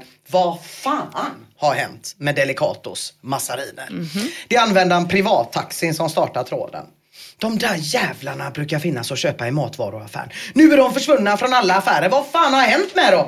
Tog de över marknaden och blev jappar av konkurrensen? Alltså jag fattar inte riktigt. Jappar är ju knulla där. Jag vet inte riktigt vad privattaxi menar. Typ att Delicatos Massoriner var så fruktansvärt framgångsrika i massarinsegmentet. Att en konkurrerande massarintillverkare, typ Coop eller Eldorado, var tvungna att helt slå ut dem från marknaden. Jag antar att det är det han menar. Den här teorin får stöd av privattaxins konspirationskompis Corona Chan som skriver ja, snart dyker upp massariner av butikens egna. Lågprismärke till ett billigare pris men utan den lilla kvalitet som fortfarande fanns i färdigbaket du brukar köpa. De har jobbat så hela tiden, bytt ut produkt efter produkt mot sina egna. Och ja, egna märkesvaror. Frågan ligger mig väldigt varmt om hjärtat. Men kanske inte just när det gäller massariner. Men jag tycker verkligen det suger när lokala, vad, ja, ni hörde va? Coop Mariaplan, när ni byter ut saker mot. Innan har jag satt upp lappar om det. Det var inte jag. Det hade kunnat vara du lika gärna. Jag skrev på ett upprop som min kille startade. Mot egna märkesvaror. Det gjorde jag! Det gjorde jag! Jag tycker det är för jävligt i alla fall. Eh, Det verkar som att privattaxins oro är helt ogrundad. För Ulrik Ahlgren kommer snart in i tråden och skriver men jag såg dem ju senast för några dagar sedan i en Konsumbutik nära mig så de är knappast försvunna. Och som om det inte räcker så går moderatorn, pojken med guldbyxorna in och gör kanske den bästa trådflyttningen jag någonsin har bevittnat i mitt Flashback-liv. Han flyttar alltså tråden Vad fan har hänt med Delicatos massariner till godis, frukt och snacks. Till skillnad från där den postades från början då, olyckor och katastrofer. Men trådplaceringen var ju starkare. än Den själva- var så jävla Vilken stark. jävla Rätt king. in på olyckor och katastrofer. Ja, bra. Ja. Trasiga trosor undrar, vad fan är en massarin? Och vad fan är en massarin egentligen? Klimasol länkar till Wikipedia-artikeln där det går att läsa. Massarin, förr även massaräng, är ett bakverk av 1600 och 1700-tals typ. Låter jävligt torftigt tycker jag. Kavajfyllo har en bättre beskrivning. En kaka täckt med ett jävla lager socker som gamla kärringar i 80-årsåldern äter till fikat. Bra beskrivning, Wikipedia. Ni borde plocka in den. Jag kan se en massarin framför mig när jag läser den här beskrivningen. Och jag blir till och med lite sugen. Tills en liten uggla kommer in i tråden och skriver Men fan vad kåt man blir när man Nej. äter en sån massarin. Sån riktigt torr jävel som riktigt suger åt sig allt saliv man har i munnen. Finns nog inget bättre när man ska fika. Jag tror att han är inspirerad av Roger P här. För jag tycker jag hör detta sägas med din Roger P-skånska på något sätt. Jag tror att du blandar ihop det med Bert Karlsson som sa att han blev så kåt av semlor. Nej, har han sagt det? Jajamän. Ja, det känns också som att Roger P skulle kunna bli kåt av semlor i och för sig. Där kan man ju i och för sig göra någonting åt det genom att... Nej! Alltså det kan du ju inte i massarinen. Nej, Nej. det är Ja, du kan ju torrknulla en massarin i och för Ja, sig. men precis. Om du, vill känna, om du vill att det ska kännas som att hon inte är med på det. Och det vill vissa. Jag är förvånad att Vadå, är det, vadå ska du kinkshamea nu? Ska du kinkshamea nu Emma? Vet du vad? Jag tycker att det är okej att knulla semlor men inte massarin. Jag har inte många åsikter, men det är en av dem. Det måste vara med på jag det. Det måste vara med på det. Man får gränser faktiskt, det är viktigt. Ja, fy fan. Ja, Sonafnorr har i alla fall också saknat Delicatos massariner i affären. Han skriver, jag föredrar Delicato eftersom att deras förpackningar är mer eleganta än konkurrenternas. Och det stämmer fan, de är rätt eleganta. Jag köpte med mig en ask av Delicatos massariner. Mm. Oj, ännu mer. Nu ska vi, nu ska vi, nu, nu, nu det. Ja, De nej. kan jag inte äta. Ja, de har jag kräkts en gång eh, efter att jag hade ätit matter. Ja, jag tror inte det var deras fel. Men jag var på bingo vet du, med min mormor och hennes syrra. Jag blev så jävla Okej, då illamående. får du och jag äta då. Ja, jag tycker jättemycket om massarin. Vad bra. Ja, ni kan titta på paketet. Visst är de ganska eleganta? Ja. De här, eller hur? Och på asken står det så här. En elliptisk mördegskaka med glasyr. Fylld med det folk sassar och brassar om. Det är lite fyndigt Elliptiskt, med sass och brass. Det är lite vetenskapligt med elliptiskt. De verkar rikta sig till den lite medvetna konsumenten. Det är en finsmakar massarin.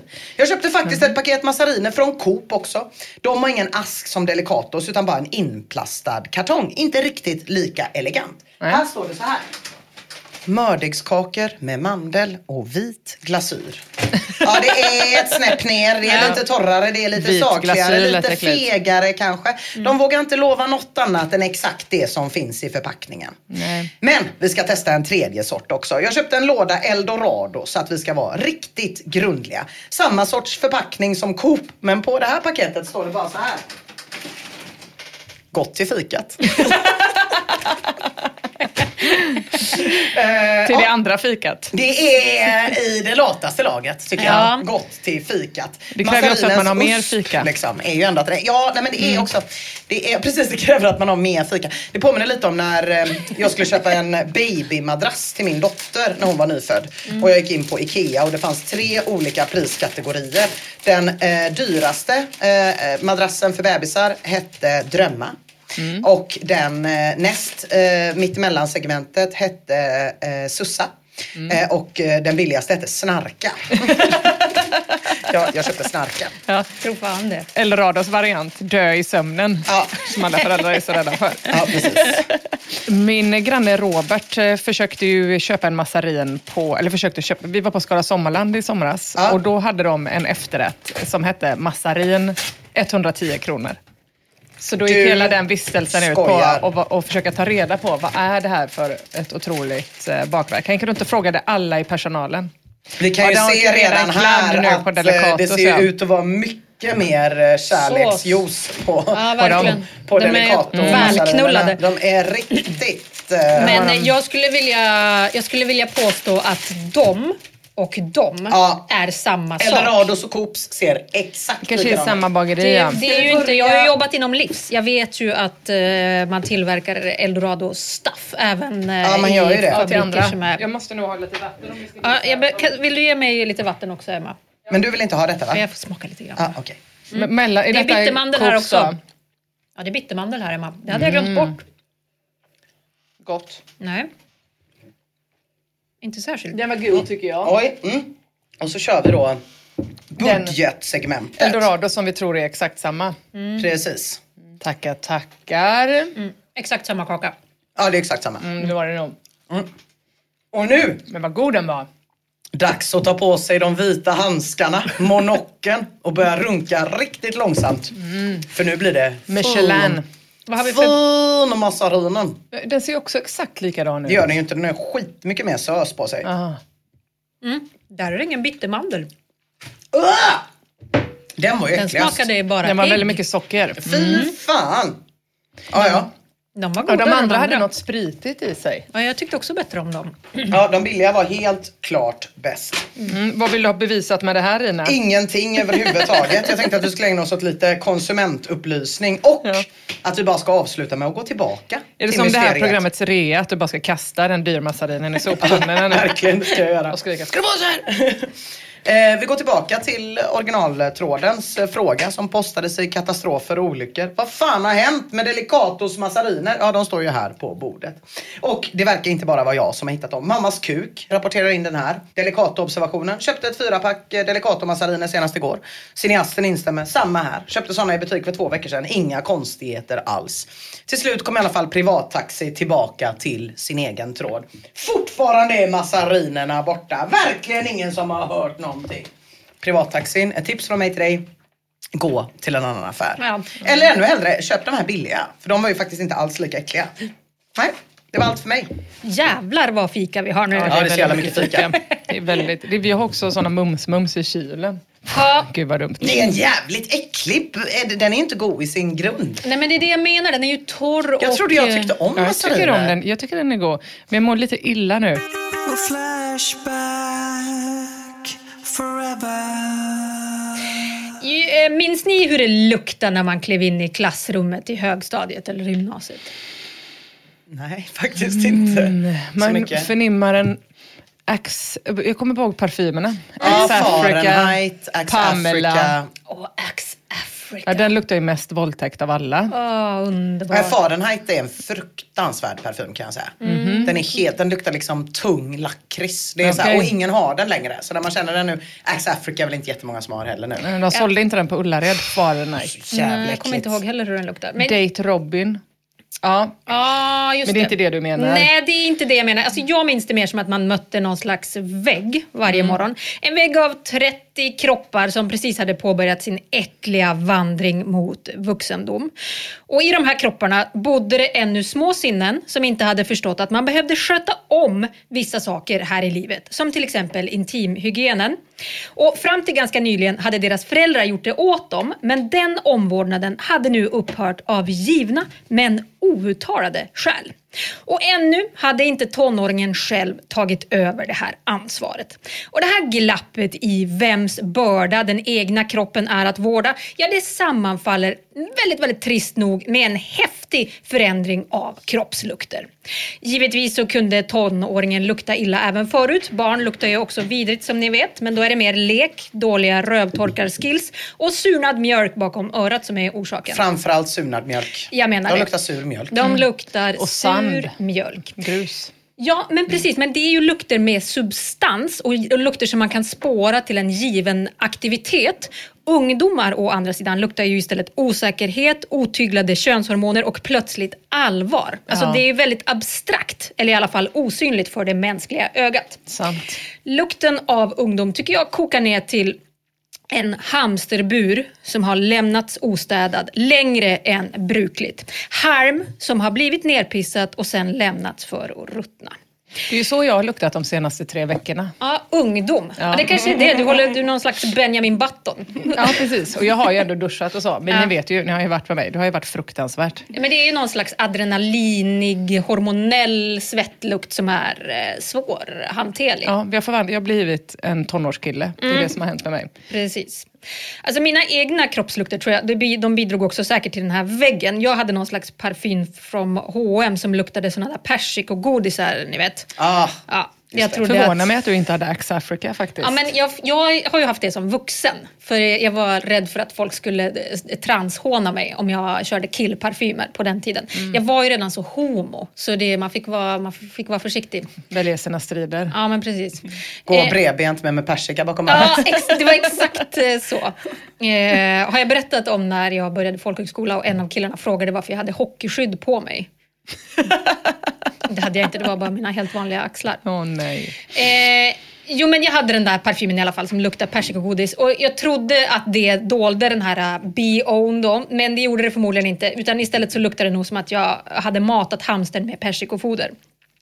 Men hur äckligt jag själv än osar så är det andras lukter som sitter i mitt kroppsminne. Kanske framförallt killars olika lukter. Uråldrig, nerpissad hamster ingrodd i den favorittröja som inte tvättades så ofta som den borde. Och jag minns också hur det här gradvis upphörde och blev bättre och bättre och plötsligt en dag så upptäckte jag att jag inte längre fick tårar i ögonen av att möta vissa personer i korridoren. Det var tydligt att en ny ansvarig för intimhygienen hade utsetts. Hamstrarna de hade rökts ut och de testosteronstinna armhålorna de var plötsligt torra. Absolut torra. Ja, vilken jävla gåva det var när killarna upptäckte Absolut torr. Jag minns känslan av stor tacksamhet. Och nu, efter att den här veckan då har satt mig in i vad det innebär att använda Absolut Torr, så måste jag säga att jag så här drygt 20 år senare känner mig översköljd av en andra vågens tacksamhet. Den här receptfria produkten är typ som en deo. Den finns i lite olika varianter i och för sig, men man applicerar den då på torr hud efter att man har duschat. Sen låter man den verka över natten. Och så här står det om den på ett nätapotek som jag inte vill nämna. Ah, så man har den, har den inte som en deo. Jag är lite obekant. Men ja, då, du sätter på den, alltså efter att du har duschat. Ja, man duschar på kvällen. Precis, du duschar på kvällen och så eh, torkar du armhålan Ja. och så har du i den här produkten då. Som är, du kan, antingen är den som en deo eller så är den som en dub, dubomatic, heter den. Typ så att du duttar i den. Okej, och så låter man den verka över natten. Precis, och så låter man den verka då Mm. över natten. Men så här står det då på själva produktbeskrivningen. Absolut Torr är en effektiv antiperspirant som motverkar svett och dålig lukt i upp till sju dagar. Absolut Torr är effektiv mot alla typer av svettningar, till exempel armsvett, handsvett och fotsvett. Absolut Torr innehåller aluminiumklorid i alkohol som reagerar med proteiner i svettutförsgången i hudens yttersta lager. Den normalt öppna utgången korkas igen och svetten kan inte passera ut på huden. Kroppens överskottsvärme ventileras bort via de miljontals kö- svettkörtlar som finns på andra delar av huden. Aluminiumklorid har även en god bakteriehämmande effekt som dämpar uppkomst av dålig lukt. Okej, så då kommer det ut liksom genom naveln Ja, istället? På andra ställen, ja precis. Men, Ja, det är ju men- bra. Hörde jag rövsvett? Ja, vi gjorde ska du. komma till det. I den stora tråden om Absolut Torr tips och frågor tas här på Flashback. Där kan man med fördel utbilda sig i hur det är då rent praktiskt att leva som en absolut torris. Första inlägget det är skrivet av användaren eh, Phaetons som har använt den här produkten vid ett par tillfällen. Han skriver så här. Åh, det funkar. Huden är fan som teflon efteråt, utan ett spår av fukt. Jag har till och med bastat utan att svettas. Men inte för att vara en sån här tillsatshatare, men det låter ju lite osunt. Tycker du det? Jag tänkte om man tar Absolut Torr på hela kroppen, Ja. sprängs man då? Eller börjar man svettas i man, ut, ögonen? andas man ut sån kondens? Typ? Mm, det är nog inte bra att plugga igen alla svettkörtlar Alla hål. Ja, kanske. Det här känns inte bra. Gör det inte det? Nej. Letto skriver så här. Jag är en tjej som sedan puberteten har svettats något så otroligt från mina armhålor. Ser man en kille med lökringar så är det okej och acceptabelt. Men det är skitäckligt på tjejer. Vi ska ju vara så renliga och fina. Jag svettas bara jag finns ibland. Jag kommer ihåg när jag fäste trosskydd innanför tröjorna på högstadiet för att det inte skulle bli svettfläckar som syns. Det var jobbiga tider. Nu har jag använt detta i, ja vad kan det bli, två månader och jag kan faktiskt inte riktigt greppa att jag inte lider av lökringar längre. Alla dessa år där man skämts och inte kunde ha på sig vad man vill. Nu kan jag ha alla färgglada kläder. Det här har varit min räddning. Så himla fint va? Jag lät som ett. Amelia-reportage. Ja. Ja, jag menar det. Sån jävla, en, en mirakelprodukt ska jag säga.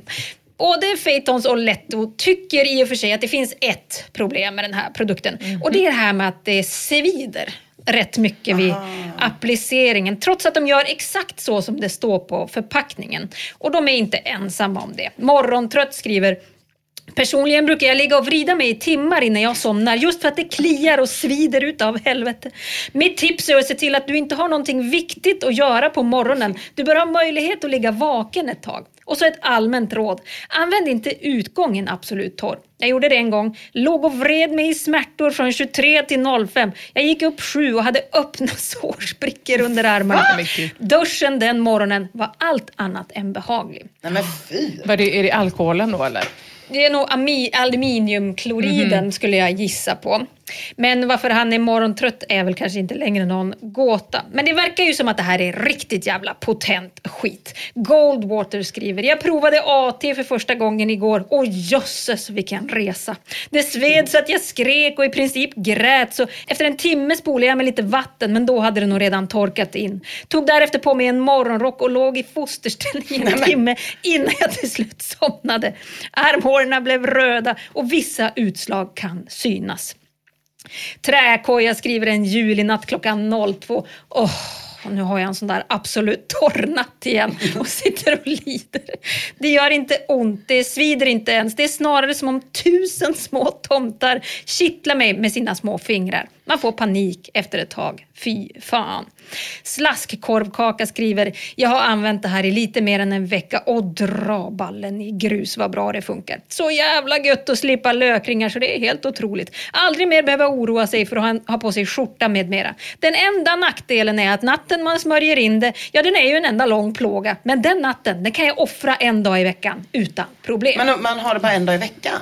Ja, Nu håller det precis. håller i ungefär sju dagar. Det beror lite på vem man är då. Men Ja, de flesta säger att typ Okej. en vecka. Mm, ja. Men det är ju tydligt får man väl ändå säga vilket jävla lidande och vilket stigma det finns kring svettlukt och framförallt då armhålsvett. När folk tycker att det är ett helt okej pris att betala att bara sova sex av sju nätter per vecka för att slippa svettas då. The Bit skriver att han en gång försökte tvätta av medlet i panik för att det sved så jävla mycket, vilket jag ska informera er om ger motsatt effekt. En sån operation gör tvärtom att det svider ännu mer. Det är som att dricka vatten när man har druckit chili eller se en springmask sticka ut ur tjejens röv när man redan är kåt. Åh nej. The Bit fortsätter. Jag kan säga att jag hade en ganska brutal smärta i båda armhålorna ungefär en vecka efter det. Det kändes ungefär som kemiska brännskador. Men svettades, det gjorde jag fan inte. Men, åh. Nej, Hur men- mycket kan man älska färgglada kläder undrar man ju. Jättemycket verkar det som. Men Bitt han gjorde inte det, han svettades fan i mig inte. Men om man inte då är lika mycket av en härdare, alltså om man inte står pall för riktigt lika mycket smärta som The Bit, då borde det ju finnas appliceringstekniker som kan göra absolut torrandet till en lite mer angenäm upplevelse. Kul att jag frågar, för det finns det absolut. Och det hela är ganska enkelt. Göteborgskex skriver “Duscha noga som satan under armarna och ta sen en hårfön, sambons eller frugans förslagsvis, och kör någon minut tills du är helt torr. Sen lägger du dig i en av följande absolut torrställningar i sängen. 1. Ligg på mage med huvudet och händerna på kudden så att du bildar en fyrkant fast snedvänd med händerna. Alltså så är armhålorna fria. Eller 2. Lägg dig i bli avsugen-posen. Det vill säga att du lägger dig på rygg med cirka 2-3 kuddar under huvudet och händerna under huvudet. Försök att ligga så hela natten så att du inte blir varm i armhålorna. Exakt. Och på morgonen så duschar du av dig noggrant. För mig sitter effekten i cirka 10-11 dagar kanske. Lycka till mina lökiga vänner. Men får jag bara fråga, varför kan man inte bara ta det på dagen?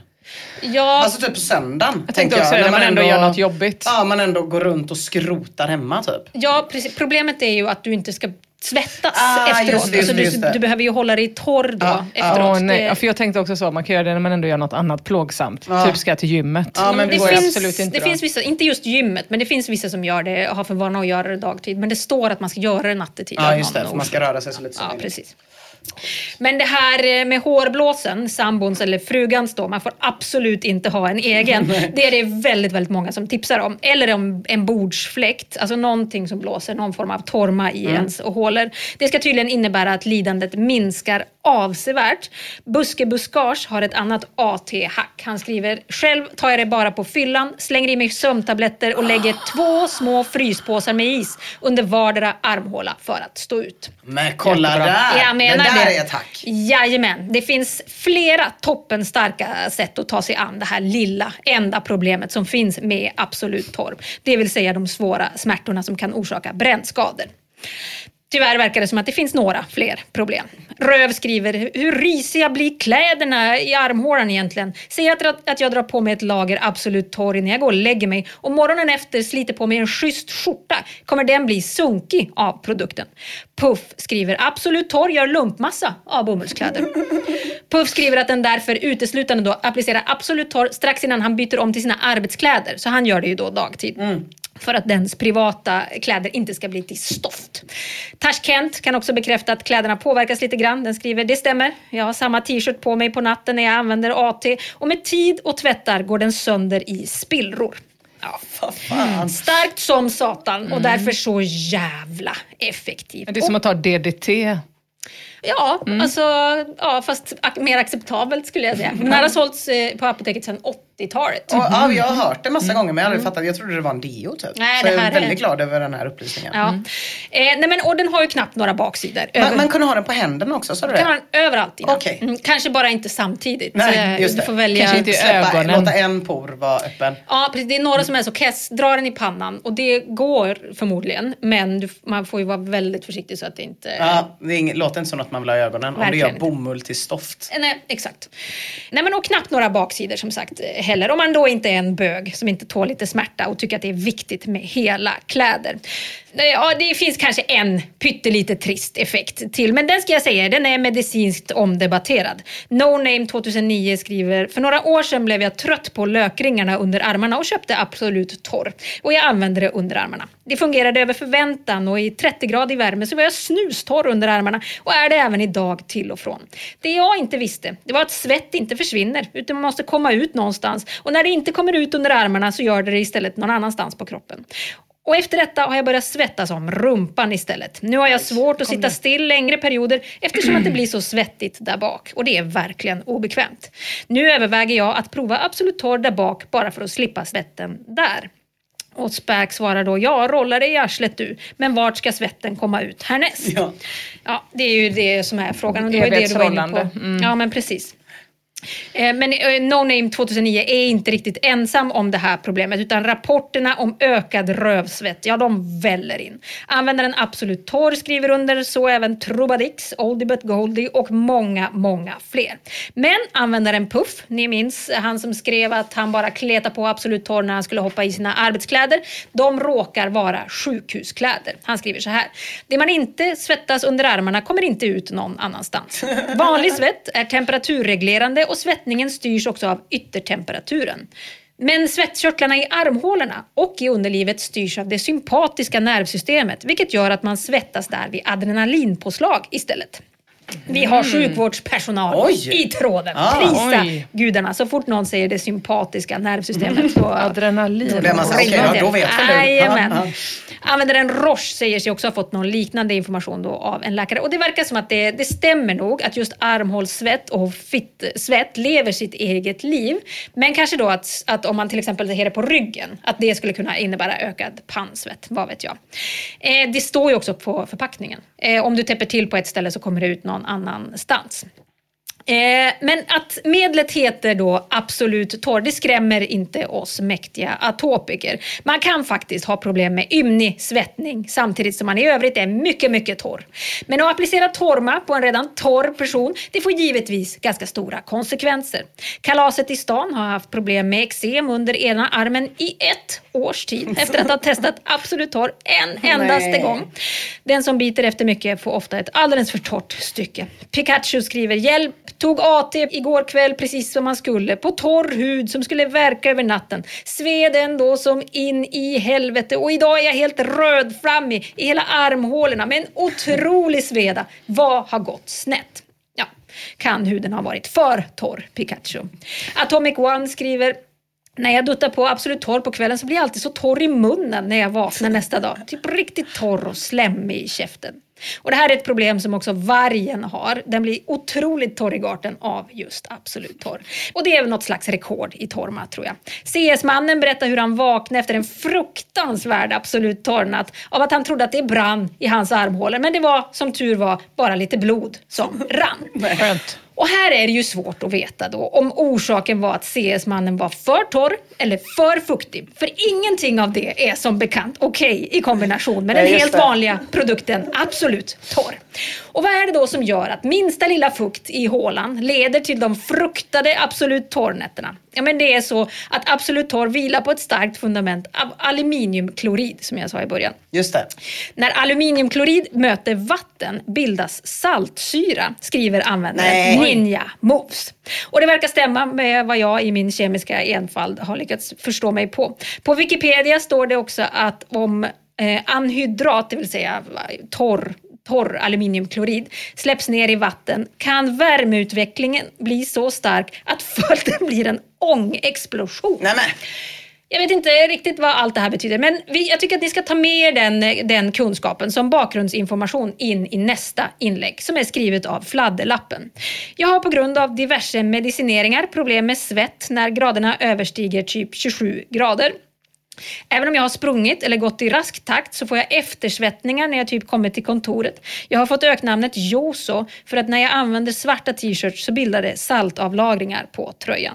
Jag har provat Absolut Torr och, det fungerar helt okej när man punktsvettas såsom armhålor etc. Men min fråga är om det skulle gå att blanda ner Absolut Torr i badvattnet och sen hoppa i. Nej. Någon som gjort något liknande eller har andra tips? Ja, någon, någon kan ju ha gjort det. Ja. Det vet inte vi. För om någon har gjort det så har personen likt Puffs arbetskläder blivit till stoft. Som om den aldrig har funnits från början. Om vi ska kosta på oss en liten sammanfattning då. Och det här blir ju lite av en säljpitch. Om det är någon från Dermix som säljer Absolut Torr som hör det här. Så är det helt okej att ni tar det rakt av. Absolut Torr är produkten för dig om du svettas men samtidigt kan undvika att göra det i åtta timmar efter applicering för annars svider det och du får brännskador. Eftersom att ingen som tar medicin för att slippa svettas inte svettas på åtta timmar måste du oavsett hur mycket du blåser med din sambos hårtork vara beredd på att offra minst en natts sömn per vecka på grund av häftig saltsyrasveda. Räkna med viss efterbehandlingstid också. Du bör ha kortisonsalva lättillgängligt på nattduksbordet. Du får heller inte vara för torr vid applicering eftersom att Absolut Torr torkar ut huden ytterligare och du får svåra eksem som kan hålla i sig i upp till ett år efter senaste användning. Du bör inte bry dig om ytliga ting såsom kläder eftersom att AT vid kontakt omedelbart förvandlar dem till lumpmassa. Du bör också vara okej med ökad rövsvett. Men svettas på just det området där du applicerat produkten, det gör du fan i mig inte. Jättebra. Gud, vilket konsumentupplysningsprogram Ja, men vi har verkligen. gjort. Det får man verkligen säga. Vad hette han som kastade saker i soptunnan? Eh, Sverker. Sverker, ja. Sverker, han bor i Vännäsby. Jag Ja, åkte, ni har- brukar åka buss med honom på morgnarna. Ja, det märks. Det är, ni två har varit Sverker. Vi har varit idag. Sverker. Mm. Det var allt för idag. Det var det. Det var det. Det var det verkligen. Tack, så hemskt mycket till er som lyssnar. Ja, och tack till våra patroner. Och tack Flashback. Puss och hej! Hörs om en Hej, vecka. hej. Hej,